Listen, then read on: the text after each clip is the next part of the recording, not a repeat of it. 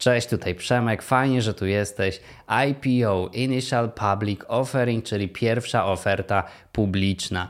Dobrze rokujące, szybko rozwijające się firmy często decydują się na ten ruch, na wejście na giełdę, w zasadzie głównie ze względu na możliwość pozyskania większego kapitału, bo jest to jedna z form finansowania działań firmy.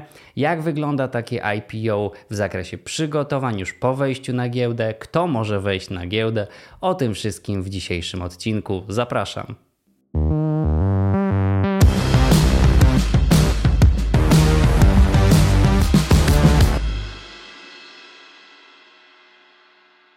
IPO, czyli Initial Public Offering, to tak naprawdę umożliwienie szerszemu gronu inwestorów zakupienie akcji spółki.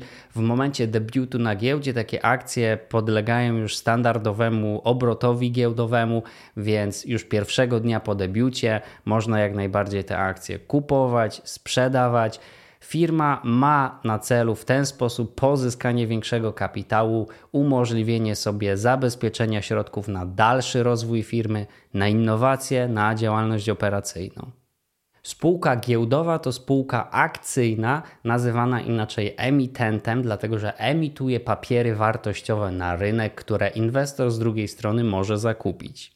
Dlatego właśnie w procesie IPO tak ważne jest ustalenie kursu startowego i wcale nie jest to takie łatwe, jest to obszerny proces, o którym za chwilę, dlatego że musimy ustalić po jakim kursie tego pierwszego dnia, dnia debiutu te akcje będą na rynku sprzedawane. Przeprowadzenie IPO jest możliwe tylko wtedy, kiedy zgodzą się na to wszyscy większościowi akcjonariusze. Wtedy też następuje obszerna analiza kondycji spółki, najpierw wewnętrzna, później zewnętrzna. Spółka musi znaleźć też pośrednika, który zajmie się wprowadzeniem spółki na rynek, taki jak dom maklerski czy bank inwestycyjny. Musi też przygotować prospekt emisyjny, który będzie zaakceptowany przez Komisję Nadzoru Finansowego. Można więc cały proces podzielić na cztery etapy.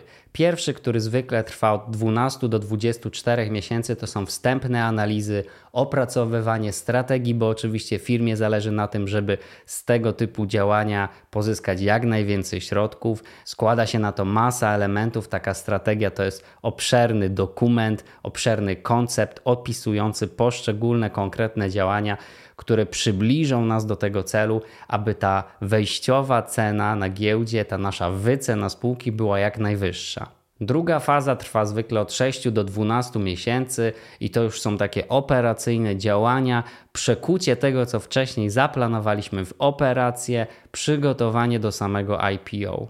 Faza trzecia to zwykle przygotowanie prospektu emisyjnego, to też trwa, to jest dokument, który musi zostać zatwierdzony przez KNF.